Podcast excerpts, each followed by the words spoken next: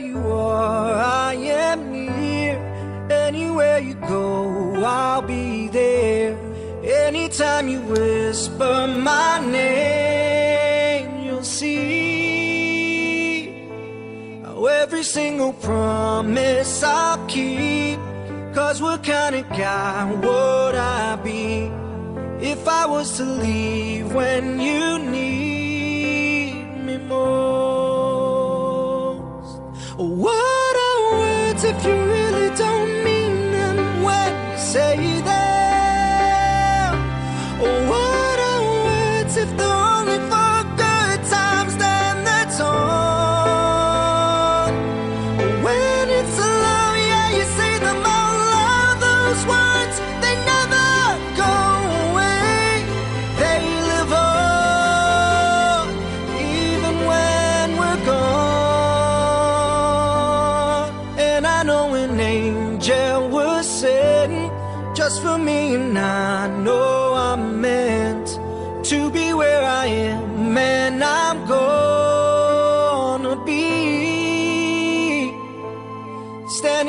beside her tonight, and I'm gonna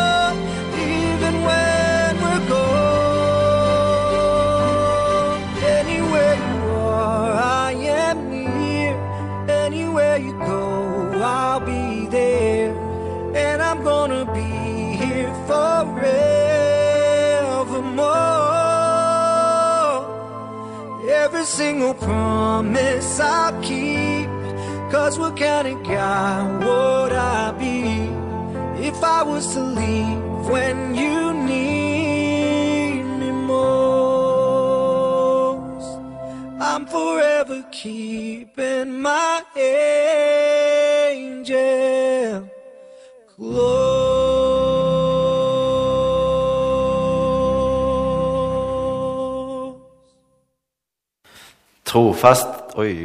Trofasthet er det som er tema eh, nå på dette møtet. Og det har det vært Jeg har murt meg inne her. skal vi se. Det har det vært de siste tre møtene, fire, her i Spor. Og det er et utrolig viktig tema å ta opp eh, av trofasthet. Eh, er, verden nå er så full av troløshet på mange måter. Vi møter, møter dere uansett nesten hvor vi er henne, så møter vi det at, at folk bryter løfter. Vi sier ting vi ikke mener, eller vi sier ting som vi ikke skulle ha sagt. Eller vi lar være å si ting som vi burde ha sagt. Og Denne sangen har dere kanskje hørt før, men jeg syns den første, første verset og begynnelsen på refrenget egentlig sier veldig mye om, om trofasthet, om hvordan vi kan se for oss at Gud snakker til oss som mennesker om seg sjøl, om det å være trofast. Uansett hvor du er, så er jeg nær. Uansett hvor du går, så er jeg der. Og når du kvisker navnet mitt, så vil du oppdage at jeg holder alt det jeg sier. Hvert ord jeg sier, det holder jeg. For hadde jeg egentlig vært trofaste hvis jeg hadde forlatt deg når du trenger meg mest? For hva er egentlig et ord hvis du ikke mener det når du sier det? Hva er verdien på ordene våre hvis vi ikke mener dem når vi sier dem? Trofasthet. Kjære himmelske Far. Jeg takker deg for at du er trofast, og at du lærer oss veldig mye om det, hva det vil si å være trofast. Jeg ber om at du må åpenbare for oss nå i dag hva det vil si for oss mennesker at du er trofast mot dere. Hjelp oss til å se hvordan vi kan eh, bli mer trofaste mot hverandre og mot deg. Og hjelp oss til å bare bli smitta av den du er, på alle vis. Jeg ber òg for kollekten som kom inn, de gavene som vi gir tilbake igjen til deg av det vi har fått. Vær du med og velsign giveren, og velsign òg pengene, sånn at det kan bli til velsignelse der det blir brukt. Um, ja. Vær du med og velsign resten av møtet i ditt navn. Amen. Egentlig så er temaet jeg har fått i dag, trofasthet som medmennesker og som medvandrere. Og det er jo ja, det er et ganske stort tema, det òg. Det kan veldig godt si om hvert eneste tema vi får. Ja, det er et veldig stort tema.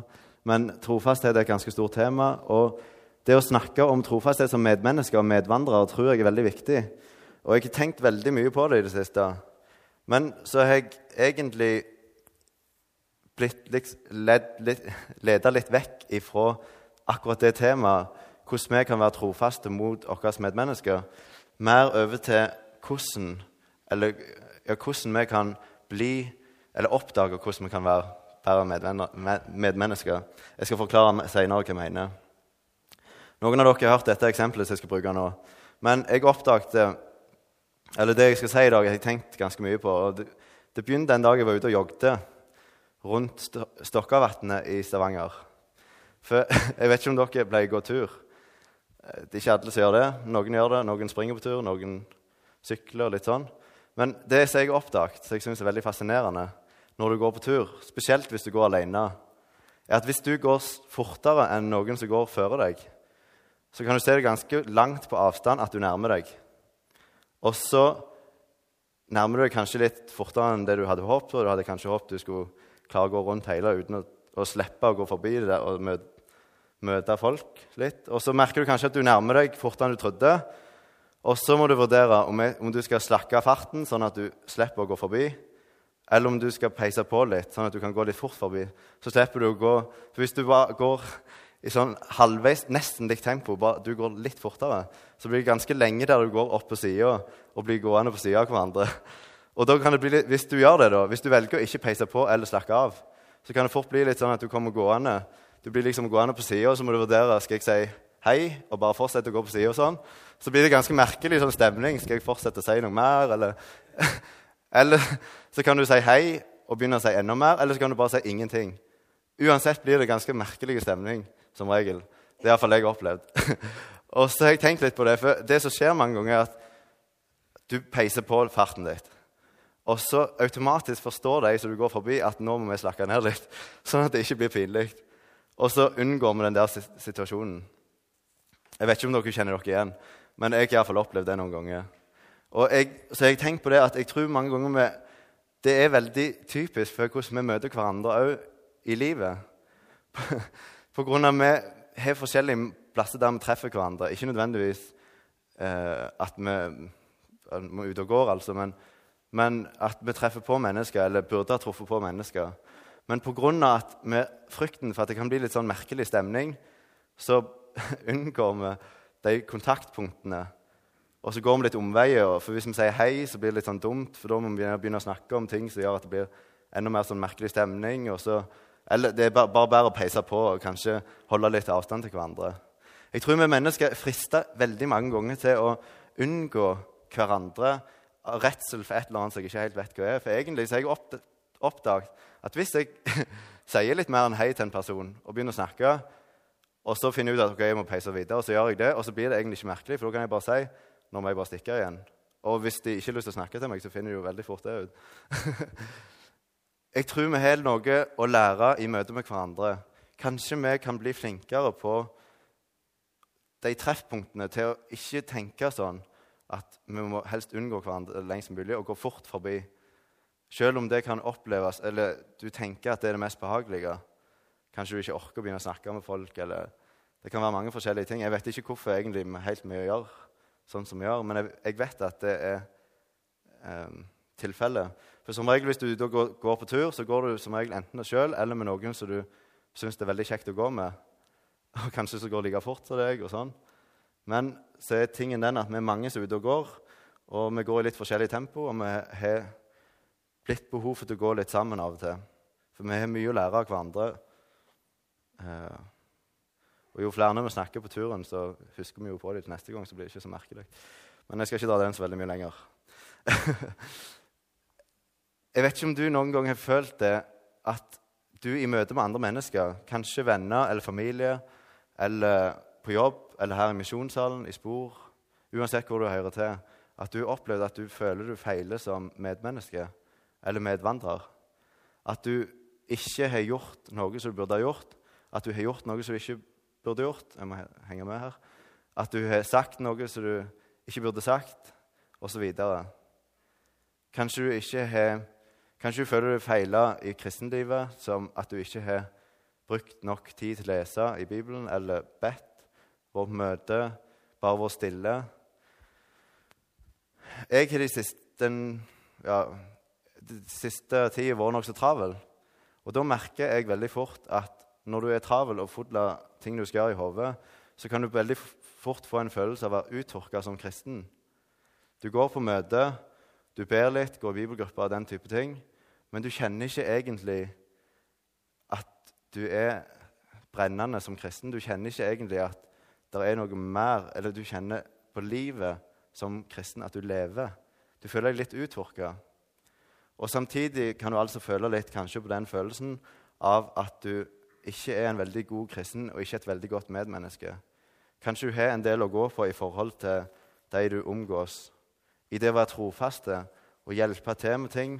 Vi vet jo hva som står i Bibelen om hvordan vi kristne skal være. Vi skal hjelpe, vi skal bære hverandre sine byrder. Vi skal elske ubetinga, selv om vi, ikke, vi skal tilgi. Kanskje vi føler vi kommer til kort. Og det har jeg følt på. Og samtidig følt meg som litt uttørka som kristen. Jeg snakket tidligere for en måned siden om tvil, og det kan henge litt sammen med det. Kanskje vi tviler litt, kanskje vi opplever anfektelse. Men det er en veldig stor sammenheng med det, og det er det, kanskje det jeg har lyst til å snakke litt om i dag. For det å være medmenneske, det å kunne gi noe videre, det er det vi er kalt til å gjøre som kristne.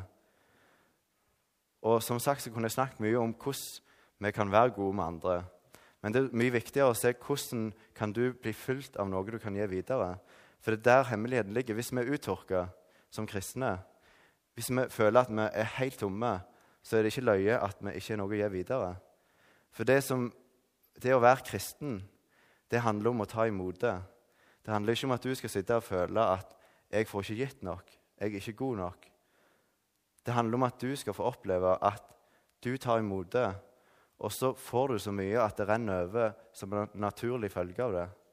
Vi trenger å istedenfor å fokusere på hva vi burde gjort, fokusere på Han som gir oss alle ting, og hvem Han var, og følge etter Han. Jeg tror vi har grunnen til å snakke om dette temaet som trofast, om trofasthet som medvandrere, er for vi trenger det. Vi trenger å gå sammen. Det, vi tror på en Gud som er virkelig. Han er til stede her nå. Eh, men vi trenger òg hverandre som vi kan snakke med og ta på og, og, gå sammen. Vi er i samme båt, vi er på vei til himmelen. Og Derfor så trenger vi òg å utfordre hverandre på å elske òg de som tenker ulikt oss, som går i litt fortere litt seinere enn det vi gjør. Og til å gi litt av oss sjøl, til å kunne våge å ikke alltid vinne, men kunne gi litt eh, i møte med andre. Familie, venner, uansett forsamling. Uansett hvor det måtte være. Og det jeg tror vi trenger, er som sagt at vi må ta oss tid til å bli oversvømt av en stadig fullkommen, varm, kjærlig, tilgivende, rettferdig og hellig nåde som serveres oss en trofaste Gud. Den sangen som du setter på i begynnelsen, Paddy,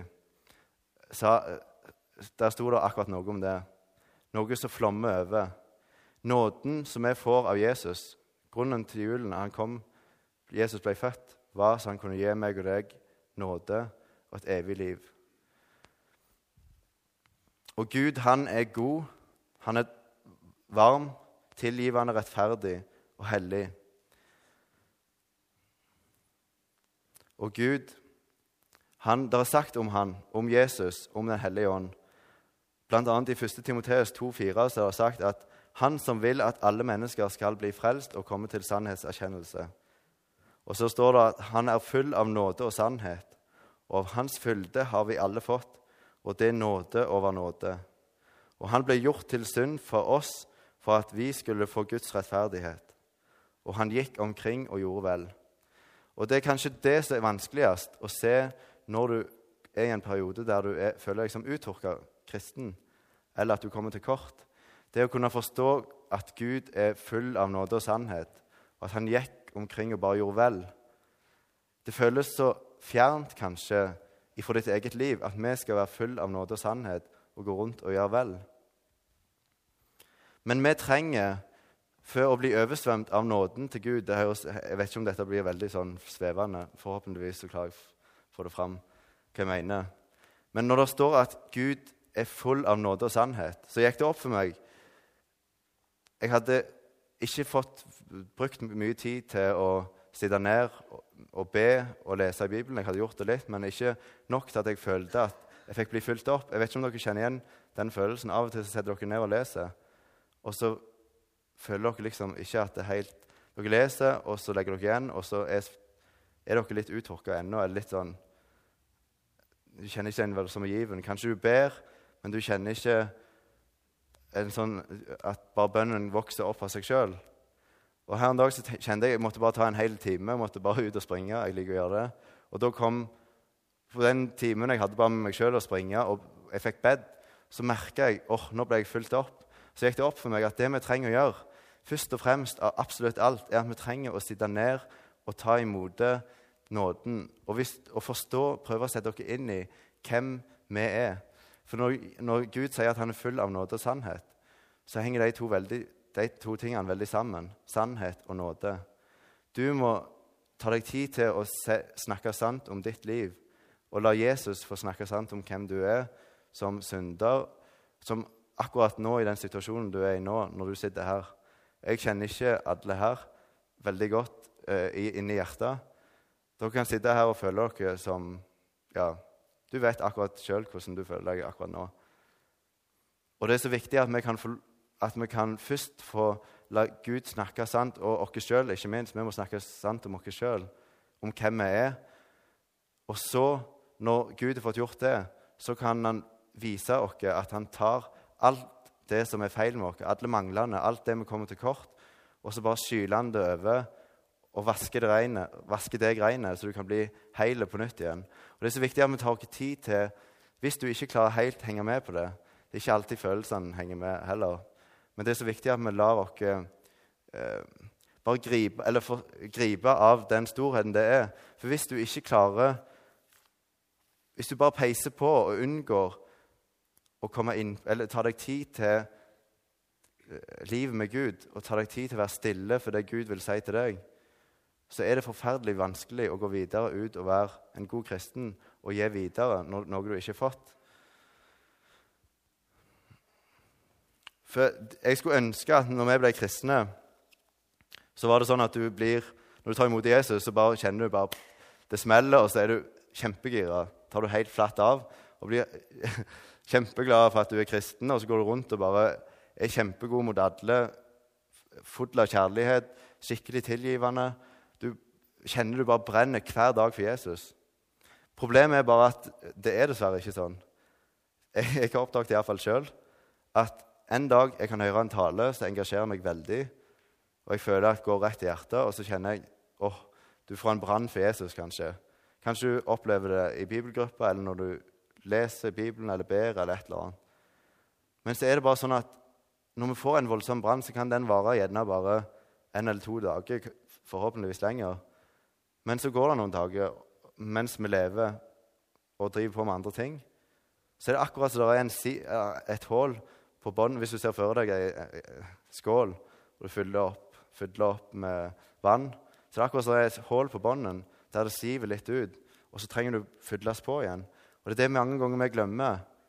Det er ikke nok en gang i uka å fylle, på med, med ord, altså ordet om nåde, der du får sitte ned og forstå at jeg som kommer til kort hver dag Jeg mottar nåde. Jeg er tilgitt. Jeg har et evig liv i vente. Du trenger å ta deg tid til å sitte ned og la det synke inn hver dag, hver morgen. For det å være kristen handler om å ta imot, ikke om å stresse og gi og sånne ting. Vi må være flinke på til å sette dere ned og ta imot det. Jeg har,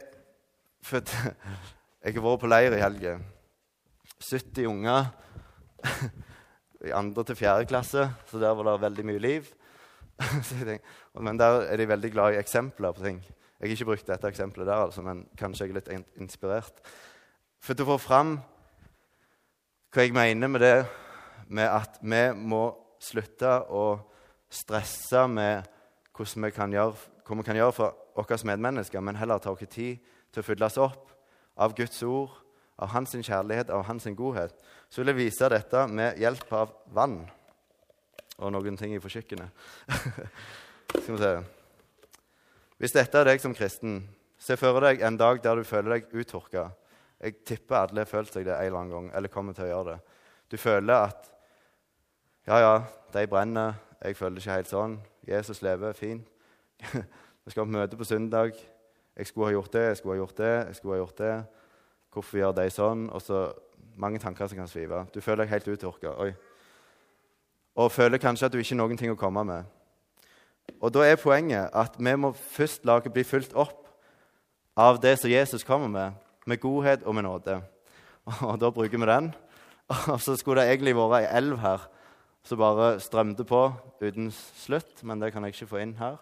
Så da tar vi ei bytte istedenfor. Og så er poenget at dette er deg, og dette er de som er rundt deg. Og så fører deg at du fyller på med nåde, med kjærlighet, med tilgivelse. For det er noe vi trenger og er helt avhengig av tilgivelse. Og for at du skal få det, du må først fylle på ganske lenge på deg sjøl. Du må motta ganske mye før du egentlig blir helt fulgt opp. Hele sånn høy før det begynner å renne over. Men når du har fått blitt fylt opp, nesten helt opp, eller helt opp, da begynner det å renne over. Alt du da mottar, flømmer over på de som er rundt deg. Og Det er et veldig enkelt eksempel. Jeg er fullstendig klar over det. Men jeg tror vi trenger å minne oss sjøl på det, at, at, det er ikke løye hvis vi føler at vi mangler litt i forhold til våre medmennesker, når vi ikke først lar oss fylle oss opp sjøl. For det er nemlig et hull her der det siver ut, og du trenger stadig å bli fulgt opp.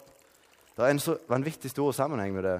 Og det jeg bare opplevd så voldsomt sjøl i det siste at vi er helt avhengige av det å fylles opp. Og så vet ikke jeg Jeg kan stå og mase på om dette at det viktigste dere trenger å huske i dag, det er at dere må la dere sitte ned og ta imot tilgivelse.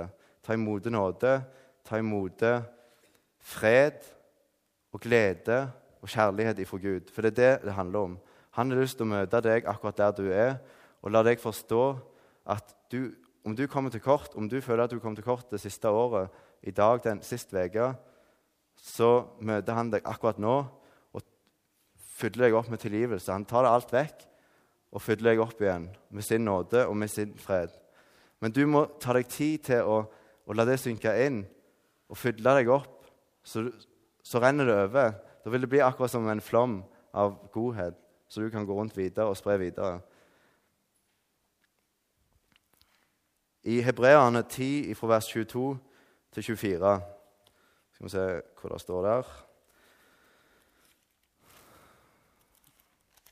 Der står det Så la oss da tre fram med sannferdig hjerte i troens fulle visshet, med hjertet renset fra en ond samvittighet og med legeme badet i rent vann. La oss holde urokkelig fast ved bekjennelsen av vårt håp, for Han er trofast som gav løftet. Så la oss gi akt på hverandre, så vi oppgløder hverandre til kjærlighet og gode gjerninger. Og så står det videre om i Hebreerne vers Nei, kapittel Nei, nå skal vi se. I Galaterne kapittel 6 så står det videre om å bære hverandre sine byrder. Og det kunne jeg òg snakket mye om. Vi er til for hverandre. Det å være trofaste som medmennesker handler om at vi ser hverandre, og vi er villige til å, å ta i et tak når vi ser at andre trenger det. Men problemet vårt er at vi er veldig lett for å gjøre sånn som når vi går på tur, at vi trekker oss vekk. Òg når, når, du kjenner at jeg trenger egentlig litt omsorg og litt støtte fra de jeg kjenner, eller de som jeg treffer på når jeg er ute og går. Så det er veldig lett at vi heller trekker oss vekk for å slippe å være sårbare overfor hverandre. Men vi er helt avhengige av at vi legger vekk den sårbarheten og heller innser av og til trenger jeg hjelp fra andre. Av og til trenger jeg å bli båret. Andre ganger kan jeg være med å bære. Men før at vi skal kunne gjøre det, så trenger vi òg igjen å oppdage at Jesus sier, 'Kom til meg, alle dere som strever og er tungt å bære'. For det er mye lettere å bære andre når du sjøl blir båren av Gud.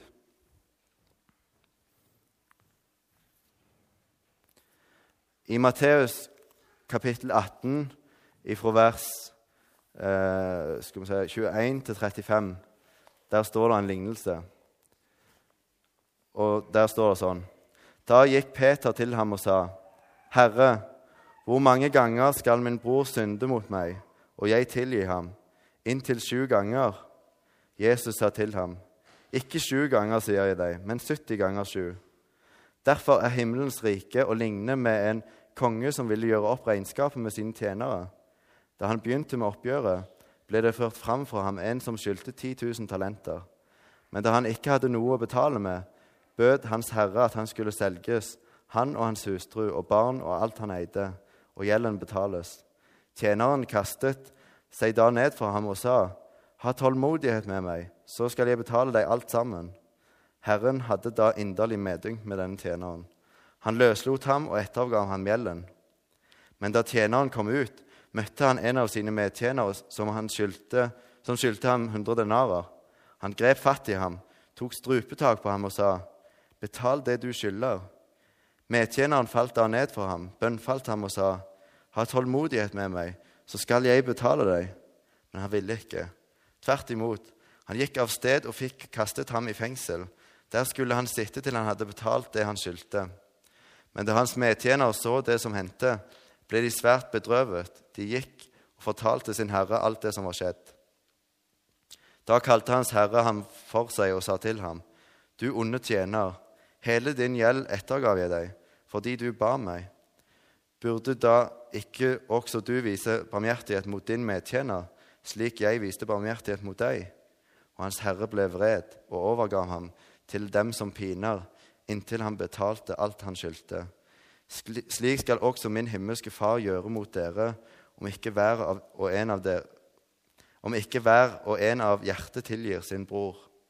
Denne tjeneren hadde fått ettergitt. Altså han hadde fått sletta vanvittig stor gjeld han hadde til herren sin. Se for deg at du hadde et lån på 20 millioner med den inntekten du har nå. Du visste du hadde ikke sjans til å betale det, og banken sto på døra og skulle ha pengene. Og så bare utsletter de den gjelda.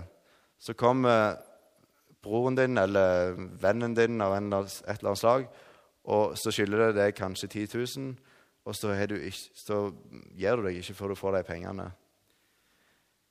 Denne tjeneren hadde ikke oppdaget at når han hadde mottatt noe så stort, en så stor tilgivelse, så burde han også kunne han, burde han gå videre og gjøre akkurat det samme. Jeg tror mange ganger så kan vi kristne ha ord på oss for å være harde med hverandre som kristne. Med folk som har ulike meninger enn oss. Med innad som kristne, og også mot ikke-kristne mennesker. Og Da har jeg begynt å lure på om det er for vi gjør litt sånn som denne tjeneren. Vi er egentlig tilgitt veldig mye. Vi går rundt som store syndere. Men så har vi ikke egentlig latt det glidd inn i hjertet vårt at Hei, du er tilgitt.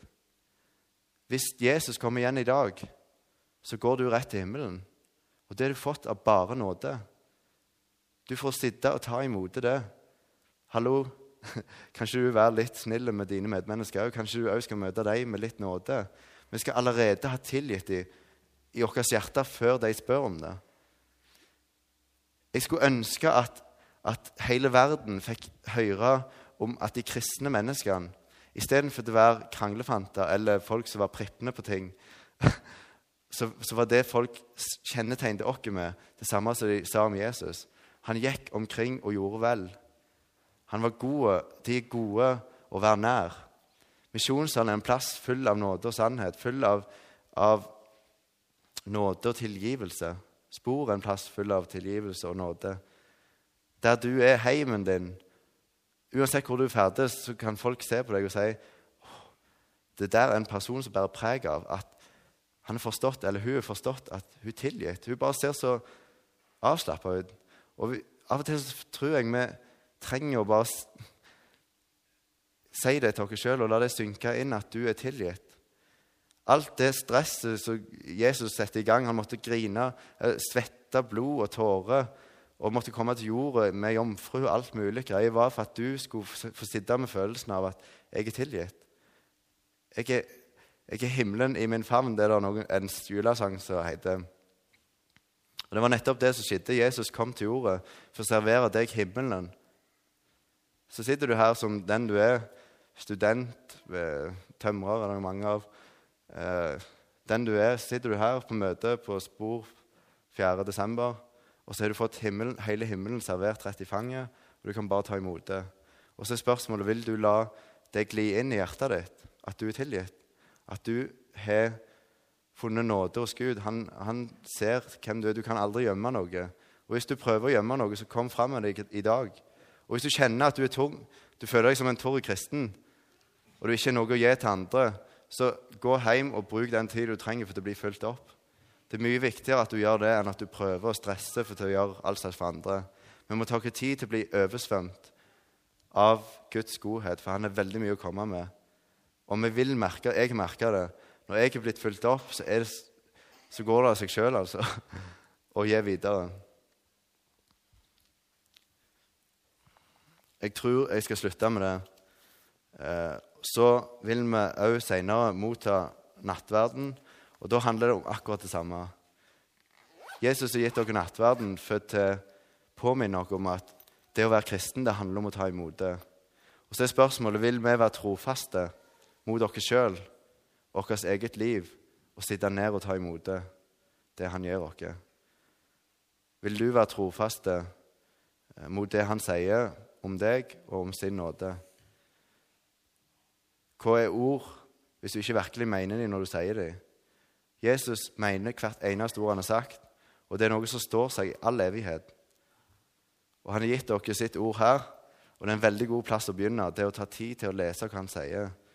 Og så har han sagt at han, han har sagt at den som ber, det skal få. Og hvis det er ord som virkelig står seg, og som han virkelig mener Hvis vi da bruker tid med ordet hans, sitt, og hvis vi bruker tid og ber, så vil vi oppdage han snakker sant. Og det er verdt å sjekke det ut, og det er verdt å bruke tid på det.